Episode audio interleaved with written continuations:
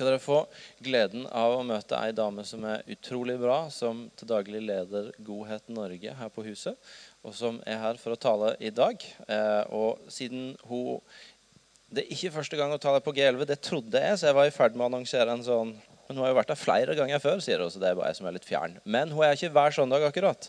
Så jeg syns vi skal ønske henne litt ekstra velkommen med en skikkelig applaus. Hun heter han Therese.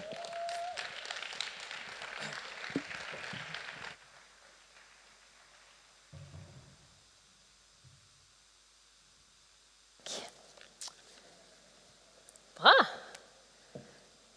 Har dere en god søndag? Ja.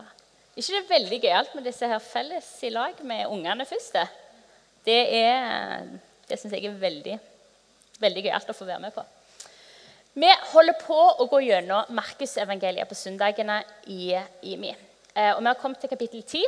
Vi har kommet til første halvdel av kapittel 10. Um, hvor det begynner med at Jesus tar for seg Eh, eller fortsetter litt fra kapittel 9, hvor han snakker om etiske spørsmål. Så han snakker om eh, ekteskap og skilsmisse og eh, poengterer hvordan ekteskapet er ment til å vare livet ut. Han fortsetter med, eller Markus evangeliet fortsetter med å fortelle om Jesus i møte med ungene. Eh, og Vi ser en av de få gangene hvor Jesus er sinte. Fordi disiplene prøver å holde ungene vekke fra når Jesus poengterer at nettopp de er de som arver Guds rike, og de er forbildene våre.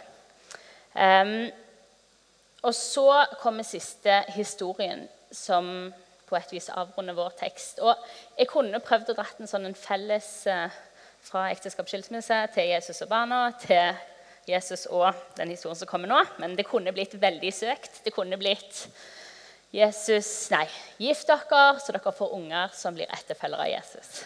Så hvis dere savner at jeg ikke tok hele, så er det da oppsummeringen. Men jeg har bestemt meg for å bare fokusere på siste historien. Og Johanne, kanskje du kommer og leser?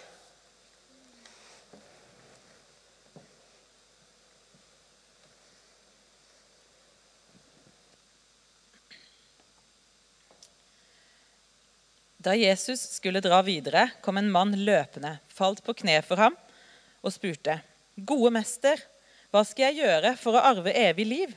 Men Jesus sa til ham, 'Hvorfor kaller du meg god? Ingen er god uten én. Det er Gud.' Du kjenner budene. Du skal ikke slå i hjel. Du skal ikke bryte ekteskapet. Du skal ikke stjele. Du skal ikke vitne falskt. Du skal ikke bedra noen. Og hedre din far og din mor. Han svarte, 'Mester, alt dette har jeg holdt fra jeg var ung.' Jesus så på ham og fikk ham kjær og sa, 'Én ting mangler du. Gå bort og selg alt du eier, og gi det til de fattige.' 'Da skal du få en skatt i himmelen. Kom så og følg meg.' Men han ble nedslått over dette svaret og gikk bedrøvet bort, for han eide mye. Og Jesus så seg omkring og sa til disiplene.: Hvor vanskelig det blir for dem som eier mye, å komme inn i Guds rike. Disiplene ble forferdet over ordene hans.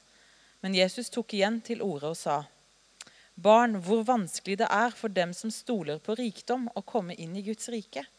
Det er lettere for en kamel å gå gjennom et nåløye enn for en rik å komme inn i Guds rike. Da ble de enda mer forskrekket og sa til hverandre, Hvem kan da bli frelst? Jesus så på dem og sa, For mennesker er det umulig, men ikke for Gud. Alt er mulig for Gud. Da tok Peter til orde og sa, hva med oss? Vi har forlatt alt og fulgt deg. Jesus svarte, Sannelig, jeg sier dere, enhver som har forlatt hus eller brødre eller søstre eller mor eller far eller barn eller åkrer for min skyld og for evangeliets skyld, skal få hundre ganger så mye igjen. I den tiden som nå er, skal han få hus, brødre, søstre, mødre, barn og åkrer, men også forfølgelser, og i den kommende verden evig liv. Men mange av de første skal bli de siste, og de siste skal bli de første.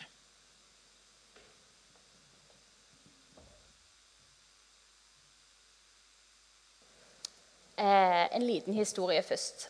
Noen, eller, ja, noen, av dere har vært her lenge nok til å huske han Therese 15 år. Um, og jeg har vel aldri kanskje hatt en sånn en opprørsk ungdom, men jeg har hatt en veldig idealistisk ungdom. Så jeg har hatt um, rosa slengbukser og dreads og gått i motstandstog og protesttog. Og vært på så godt som jeg bare kunne. Eh, og jeg håper jo liksom at noe av den idealismen fortsatt er i, men kanskje ikke så synlig som det var den gangen. Men noe av det som innbefatta i denne idealismen, var veldig sånn rettferdighet og var veldig opptatt av integritet. Så jeg hadde en periode hvor det var en lovsang. Når den kom, så bare var jeg helt stille. Ville ikke synge den. Og det er denne her eh, sangen hvor teksten er 'Alt for Jesu fot jeg legger'. Alt hva jeg her kaller mitt. Eh, og så går refrenget 'Jeg vil gi deg alt, jeg vil gi deg alt'. Så jeg hadde bestemt meg for at den kunne ikke jeg synge. For det så jeg at det gjorde jeg ikke i mitt eget liv. Det var flere ting jeg ikke ga til Jesus, og da måtte det bli sånn. Men så hadde jeg en runde med min mor om dette. Og visdommen derifra der jeg med meg ennå. Hvor hun sa men du vil. Utgangspunktet er ikke nødvendigvis om du har klart det, men at du vil. Du har et ønske om å klare det. Du har et ønske om at det skal få lov til å være kjennetegnende for livet ditt. Eh, og det, eh, Jeg tygde litt på den, og så spilte jeg den. Og siden har jeg òg sunget den. Jeg lover. Dere kan se neste gang den kommer. Jeg synger. Eh, og jeg står fortsatt inne for at jeg kan. Selv om det ikke alt er på plass i livet mitt, så, så står jeg inne for å kunne synge den, for jeg vet at jeg er i bevegelse. Um, og Noen av dere vil kanskje si at det er ganske innlysende. At det er en grei måte å forholde seg til det på. Men for meg så ble det en utrolig viktig refleksjon i forhold til å være etterfølger av Jesus. At de gangene hvor jeg oppdaget at jeg ikke mestra alt, at jeg ikke klarte alt, at det var ting i livet mitt som ikke var på plass, så betydde ikke det at jeg trengte å trekke meg vekk. At jeg hadde fått fiksa det, fått det på plass, og så vende tilbake igjen til Jesus. Men at de, eh, de mulighetene der, de gangene jeg så det, var det en mulighet for meg å lene meg inn mot Jesus, selv om jeg ikke hadde det på plass, og få det som utgangspunkt. I denne historien som vi akkurat har fått lest, så ser vi den rike mannen eh, som ser det han har, som ser det han ikke vil gi fra seg, det som han ikke klarer å gi fra seg. Og så står det at han vender vekk. Han så det som ikke var på plass, men framfor å lene seg mot Jesus, så snur han ryggen til å vende. Og jeg tror Som etterfølger av Jesus så vil han peke på ting i livet vårt som ikke er helt sånn som det skal være, som vi trenger oppbrudd fra. Og Hans mål for oss det er frihet. Og Det betyr at noen ting i livet vårt de er nødt til å legges ned, og de er nødt til å bli pekt på. Enten med at vi oppdager at Den hellige ånd viser oss det, eller at vi bare skjønner at dette her er ikke helt på plass. Og Spørsmålet er hva gjør du da? Når du oppdager ting i livet ditt, eller når Jesus viser deg ting, hva gjør du da? Vi skal begynne med å gå først gjennom litt teksten, og så skal vi se litt på helt praktisk hva dette her har å si. Teksten begynner med en mann med en vanvittig lengsel. Det begynner med en mann som springer. Han kommer springende til Jesus, som på sin side var ikke vanlig i det hele tatt, uhørt i sin tid. Han kommer springende mot Jesus, og han faller på kne foran ham. Det sier så mye om denne mannen, og det sier så mye om hjertet hans. Han ser eh, Jesus, og det gjør at måte, alt det som har med stolthet og verdighet, det, det er ikke så farlig. Dette er han nødt til å få til.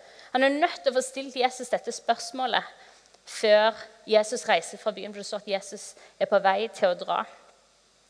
Så han springer, og han ydmyker seg for Jesus.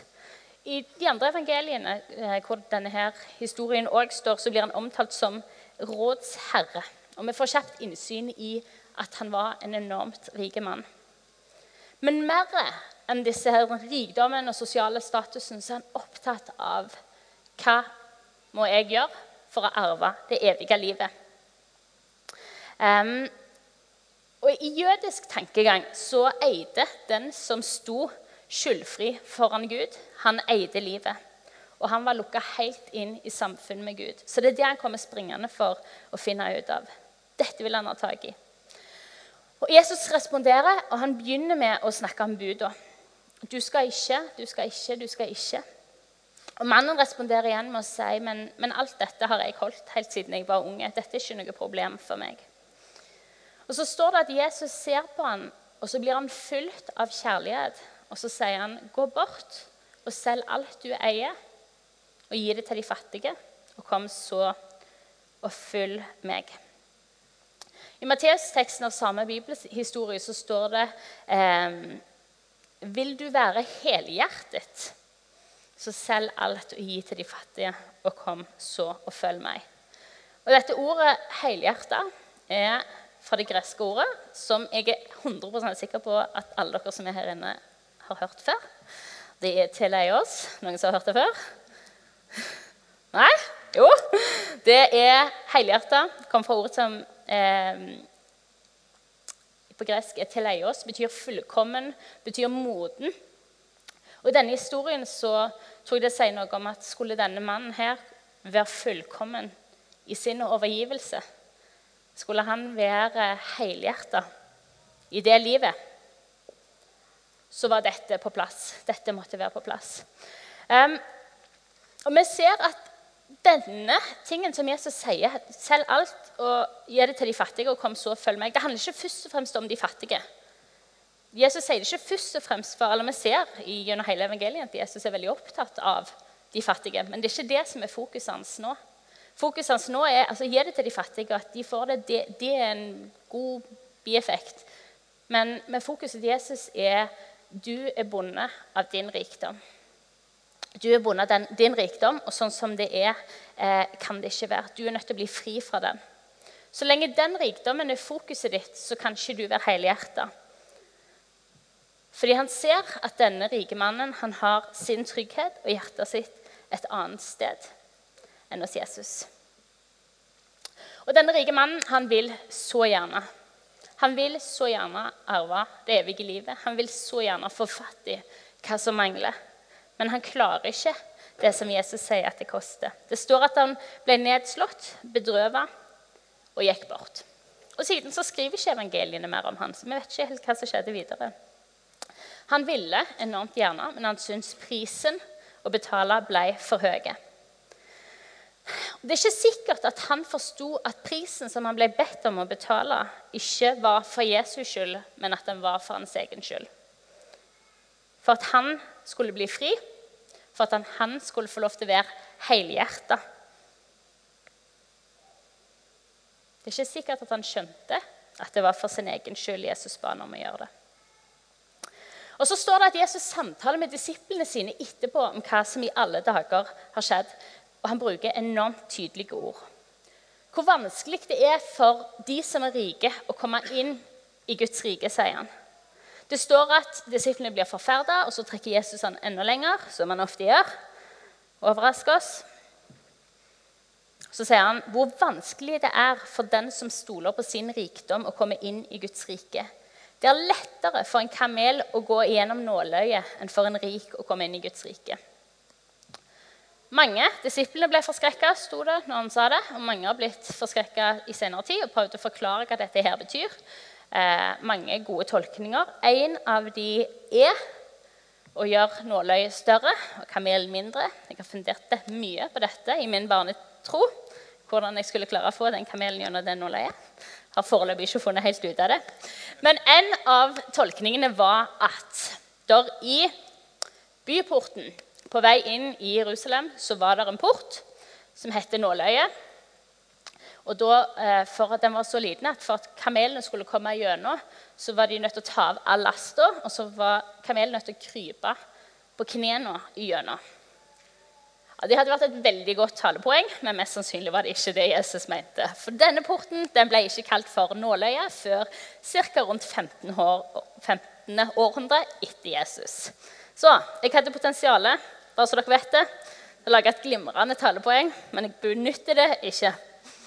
Det Jesus sier, er Og det er utelukkende dette det er umulig. Det er umulig for en kamel å komme gjennom et nåløye. Det er umulig for den som stoler på sin rikdom, å arve Guds rike. Og det står som sagt at Disiplene ble enormt overraska for dette. Og En av grunnene til det er at rikdom ble i jødisk tid sett på en sånn særlig velsignelse fra Gud. Så hvis det i utgangspunktet var en velsignelse, hvorfor i alle dager gjorde det det vanskeligere for han å komme inn? Og De responderer med hvis det er umulig for han så er det iallfall umulig for resten av oss. Og Så kommer du på et visst høydepunkt hvor Jesus sier for mennesker er det umulig, men ikke for Gud. Alt er mulig for Gud. Gud kan gjøre det som er umulig for menneskene. Vi har hørt det før, og jeg sier det igjen. Gud kan gjøre det som er umulig for menneskene. Han kan løse oss fra bindinger og frigjøre dem for å følge Jesus. Og så har vi siste del av historien, og så skal vi begynne å gå nærmere inn på hva dette betyr for oss. Siste del av historien hvor vi har frimodige Peter. Sant? For Han har jo sett dette her utarte seg. Han har sett mannen som er blitt bedt om å selge alt, gi det til de fattige, og så komme og følge etter Jesus. Og så skjønner han jeg har jo forlatt alt. Jeg har jo gjort dette. Hva i alle dager er lønna for meg? Ingen er så frimodige som Peter. Hva da med meg som har gjort alt dette?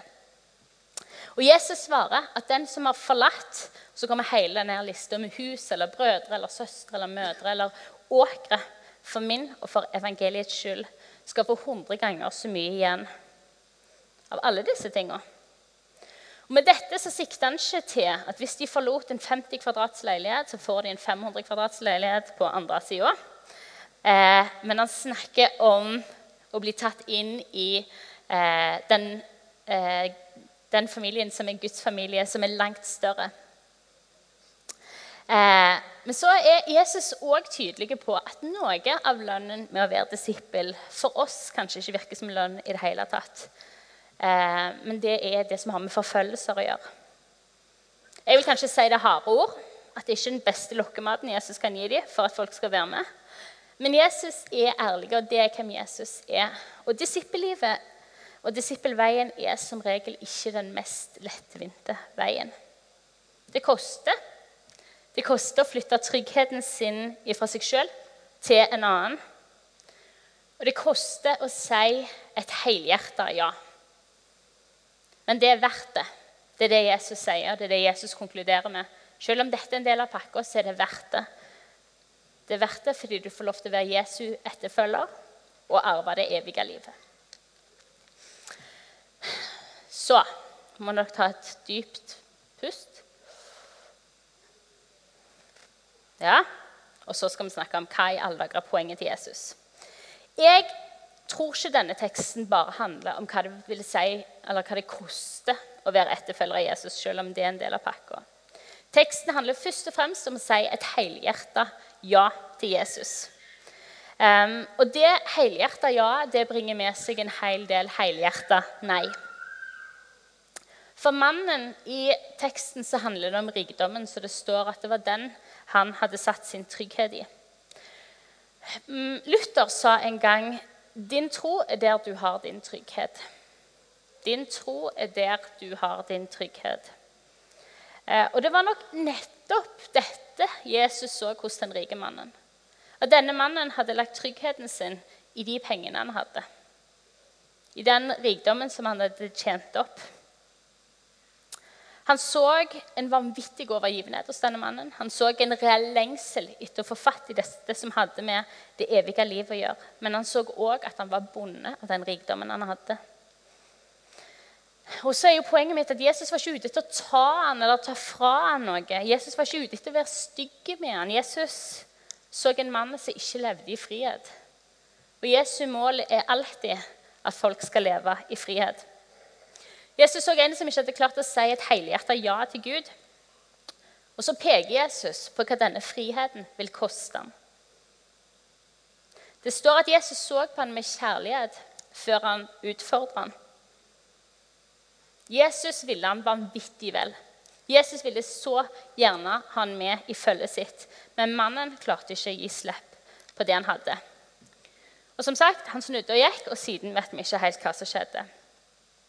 Og Folk har lest denne fortellingen på mange måter, og noen mener at dette her er et universelt kall til alle etterfølgere å selge alt de har, og at det er en del av prisen med å være Jesu disippel. Jeg er sikker på Elling hadde vært veldig glad hvis jeg hadde sagt det. Og så hadde vi fått veldig masse penger inn i kollekt neste søndag. Men det skal jeg ikke si, for jeg tror heller ikke det er riktig. Er så mange eksempler i Bibelen på at det ikke er tilfellet. Jeg tror dette her er en veldig tydelig individuell kallelse til denne mannen, med bakgrunn i at Jesus så hva som bodde i hjertet hans. Det var spesifikt til denne mannen fordi at Jesus så at han var bonde. Og Så stilles han på valg som er vanskelige, og som den rike mannen finner ut koster mer enn det han er villig til å gi. Og jeg, jeg, er alltid sånn, når jeg skal undervise fra en bibeltekst, så leser jeg all slags bibelkommentarer. Og så leste jeg i en, og så merket jeg bare at det satte seg i magen min. For det, det sto i en av bibelkommentarene at mest sannsynlig så var ikke dette her eh, et veldig spesielt tilfelle. Mest sannsynlig spurte Jesus mange flere enn de som var i følget hans, om de ville være med. Men at veldig mange sa nei fordi de skjønte at prisen var for høy. De valgte tryggheten med å forbli i sitt gamle livsmønster framfor å bryte opp og ta risikoen med å følge ham. Prisen med å si et helhjerta ja ble for stor. Og Her kommer vi da til det som er alvoret for oss i dag. For jeg tror definitivt ikke at Jesus har slutta med å si hva som binder oss. Jeg tror han er opptatt av å peke på det. Hva som binder oss fra å si et helhjertet ja til han og hva vi må ofre for å være hans etterfølgere. Jeg tror han er like på nå i dag som han var den gangen. Fordi hans lengsel er at vi skal være i frihet. At tryggheten vår er i Han. At Luther-sitatet ikke blir så skremmende med at din tro er der din trygghet er, fordi vi vet hvor tryggheten vår er. Og den er langt ifra i de tingene som vi sjøl har klart å karre oss til. Og Det er ikke sikkert at vår utfordring er den store rikdommen. Kanskje er det helt andre ting. Jeg husker en gang en sa og det, det, kanskje, ja, nei, det, er et godt eksempel. så jeg skal si Det at du har, det er uansett en førsteplass i livet ditt. Det er uansett ei trone i livet ditt. Og Hvis ikke Jesus sitter på den, så er det noen andre som gjør det. Um, og Det er jo kanskje noe av det som var utfordringen til denne mannen som Jesus så. Du har rikdommen din på den førsteplassen. Om ikke Jesus sitter der, så er det noen andre som gjør det. Og det kan være gode ting som er der. Det trenger ikke være synd, men det blir til synd fordi det hindrer deg fra å si et helhjertet ja til Jesus. Og Jeg var litt redd for å gi eksempler på hva dette kan være. For plutselig så blir ting som er veldig gode, så går alle rundt her og virrer litt, og så tenker de bare Åh, er det feil i mitt liv? Har egentlig Jesus kalt meg til å si opp jobben min og flytte til Afrika eller være med Stian til Laos eller et eller annet sånt? Og det er definitivt ikke hensikten min. Men samtidig tenker jeg det kan være godt for oss å få noen eksempler bare for å, å få et lite bilde av ja, hvordan i alle dager kan dette ha å si i min hverdag. Og Det betyr ikke at alle skal selge alle tingene sine og være som Johannes og bo i ødemarken og spise honning og gresshopper. Det er jeg glad for. Det er ikke hensikten, og det er heller ikke riktig. Men vi har godt av å tenke gjennom om det er noe i livet vårt vi er bundet til. Vi har Nei. Kanskje er det jobb. Kanskje er det drømmejobben. Kanskje er det drømmen om karriere og hvor langt en kan gå, og hvor langt en er villig til å gå for å oppnå det en vil. Kanskje er det drømmen om det store huset og det superkomfortable livet med hytta med fjorden. Kanskje er det framtidsdrømmen som du har sett for deg med å bygge og bo i Stavanger by. Kanskje er det musikerdrømmen eller treningsidealet eller tida du bruker å se på TV eller surfe på nettet, eller hvordan du bruker pengene dine. Eller kanskje er det helt andre ting. Kanskje er det min egen selvhøytidelighet. Jeg må ta et oppbrudd fra fordi jeg ikke går på de tingene som Gud taler om. Kanskje det er menneskefrykten fordi den stjeler frimodigheten min for å leve det livet som Jesus har for meg. Eksemplene kan være vanvittig mange, og jeg mener ikke at nå skal alle, som dere hører jeg sier, ta tak i alt dette. Men jeg, når jeg ser de eksemplene, så kjenner jeg at jeg kan kjenne meg truffet av flere av dem. Jesus, er det noe av dette jeg er nødt til å si nei til for å si ja til det som du har for meg? Ikke nei fordi det er galt, ikke det hele tatt nei fordi det er galt, men nei fordi det binder meg. Det binder livet mitt, det binder verdiene mine, Det binder meg til noe annet enn det som er det du har for meg. Fordi det fyller hjertet mitt mer enn det som er godt for meg.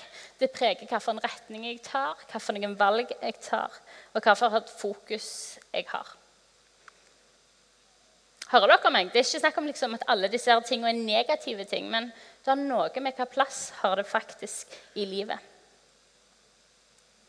Hvis disse tingene får hovedfokus og hovedplass i hjertet og sinn, så blir det noe som tar friheten vår, fordi at vi flytter trygghet, tillit, vekk fra Han som er tryggheten og tilliten.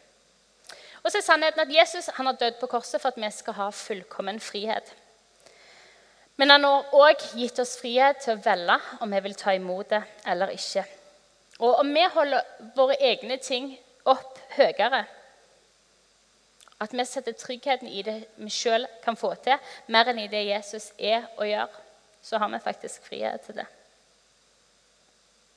Men skulle du kjenne at noe av dette utfordrer deg Kanskje Den hellige ånd har minnet deg på noe om hvordan dette ser ut i ditt eget liv mens jeg har snakket. Så vil jeg òg si at jeg syns historien om den rike mannen er vanvittig oppmuntrende. For utfordringen begynner med at Jesus ser på han med kjærlighet. Jesus ser på han, og han vil han vel. Det er bakgrunnen for den kolossale utfordringen. Han sier det ikke for å ta han. Og etterpå, når han sier det er umulig for oss å arve det evige liv, så sier han det er umulig for dere, men for Gud er alt mulig. Og For oss kan det virke umulig å gi avkall på noen av disse tingene. Men når vi vet at vi har Gud med i regnestykket, så er det langt ifra det. The Message, en artig engelsk oversettelse av eh, Bibelen, eh, så står det akkurat dette. Eh, disiplene spør hvem har sjans i det hele tatt da? Og så står det i The Message du har ikke sjans i det hele tatt hvis du tror at du klarer det sjøl, men du har all sjanse i verden hvis du lar Gud gjøre det. Du har ikke sjans i det hele tatt hvis du tror at du kan gjøre det sjøl, men du har all sjanse i verden hvis du lar Gud gjøre det. Å være en Jesus-etterfølger og lengte etter det evige liv, så trenger vi Guds hjelp. Men spørsmålet er jo hvordan responderer vi på det som hjelper oss til å vokse i trygghet og tillit til Gud og som disippel. Gjør vi som den rike mannen, blir bedrøvet over hvor stort offeret er, hvor umulig det ser ut, hvor krevende prisen er, og så vender vi oss vekk? Eller ser vi hvor stort offeret er, hvor umulig det ser ut, hvor krevende prisen er å vende oss til Jesus? Vender vi oss vekk, eller vender vi oss til Jesus? Tilbake igjen til sangen jeg ikke ville synge når jeg var 15. Det er fortsatt et banalt eksempel, men jeg bruker det for det. Jeg visste at jeg ikke klarte å gi alt, men jeg visste at jeg ville og det ga meg mot nok til å vende meg mot Jesus. Det visste jeg at Jesus tok imot. At jeg var i bevegelse. Ikke fullført, men i retning av å si et helhjertet ja. Henger dere med? Ja. Og det er det som er spørsmålet. Og nå er jeg veldig snart ferdig. Vender du deg bort, eller lener du deg inn når Jesus peker på det som det faktisk koster i ditt liv å være en etterfølger av Jesus? Når Jesus utfordrer deg på noe som hindrer deg ifra det store ja-et Vi kan beregne kostnaden og finne ut at det koster for mye. Og da har vi sjøl valgt å sette noe annet høyere enn Gud. Vi kan eh, gjøre det sånn at vi ikke beregner kostnaden i det hele tatt. At vi ikke gidder å forholde oss til det. Men vi vet at det er et eller annet som surrer baki det, men vi velger bevisst eller ubevisst å lukke ørene. Da handler det gjerne om en øvelse i holdning òg når det koster. Vi kan komme med bortforklaringer eller unnskyldninger. Altså, ser på Den rike mannen. Han kunne jo sagt men rikdom er bra, det er jo en særlig velsignelse fra Gud. Eller kanskje du kan late som du ikke har hørt det. Eller kanskje du bare ikke forholder deg til det. Um, kanskje han kunne sagt men jeg har jo på plass det første du sa, Jesus. Jeg har holdt alle buda. Det må jo være godt nok. Kanskje ikke så viktig med den siste tingen allikevel. Kanskje du egentlig ikke mente det når du sa det. Jeg hørte en gang Nei, jeg skal ikke si det. Vi lar det gå. Det er noen av de båtene du må bare la gå. Med alle disse tingene så er poenget at prosessen er lov. Å vende seg inn mot Jesus. Det er lov til å tenke jeg har ikke alt på plass, men Jesus, det er det jeg vil. Jeg er på vei mot et helhjerta ja. Det betyr at det er retningen min. Og jeg er nødt til å ta noen grep for å klare det. Men det er greit at jeg ikke klarer alt med en gang. Og ikke la seg avskremme av utfordringen som Jesus faktisk gir, men holde opp at han sier at han vil det absolutt beste for livet mitt. Og det er derfor han peker på det. Å komme til han med det som gjelder. Be om tilgivelse for det som en ikke har klart.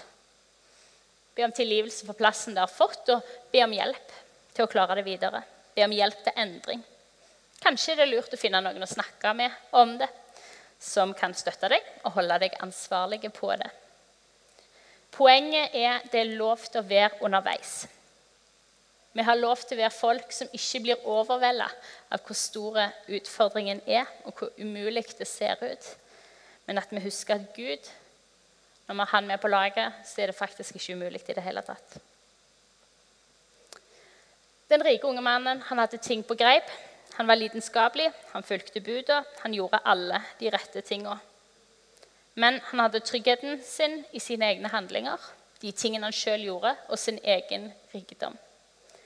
Din tro er der du har din trygghet.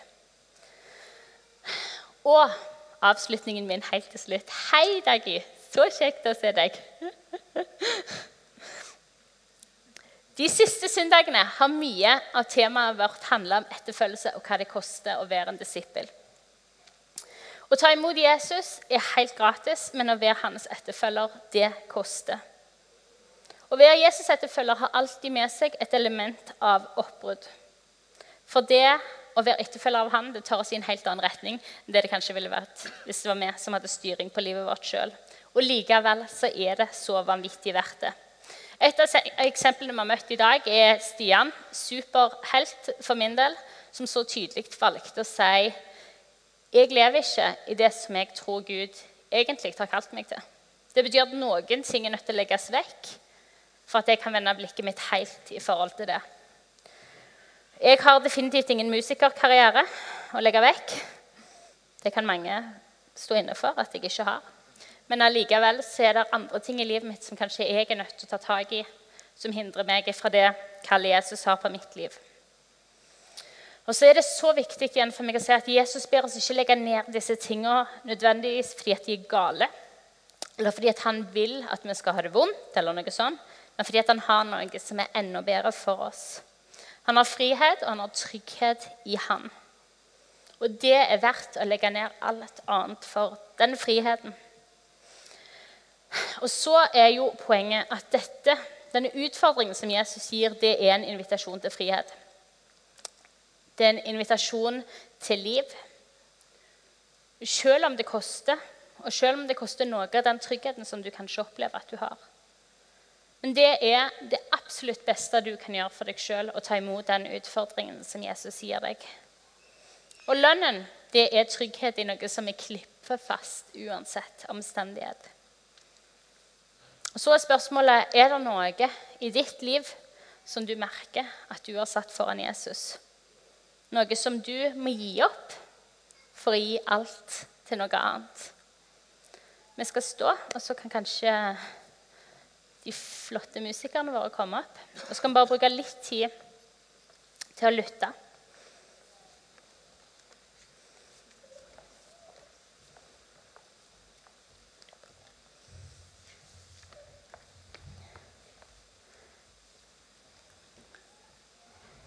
Guds ønske for våre liv er definitivt frihet. Så får vi lov til å velge. Og vi er klar for å ta den prisen som det faktisk kan koste å ta imot den fullstendige friheten. Jeg vil bare, hvis dere kan bare spille litt, og så synger vi ikke, men kan hver enkelt bare bruke litt tid i lag med Gud og bare spørre Gud er det, er det noe du peker på i mitt liv som, som jeg er nødt til å legge ned for å kunne si et helhjerta ja til deg. Så bruker vi litt tid.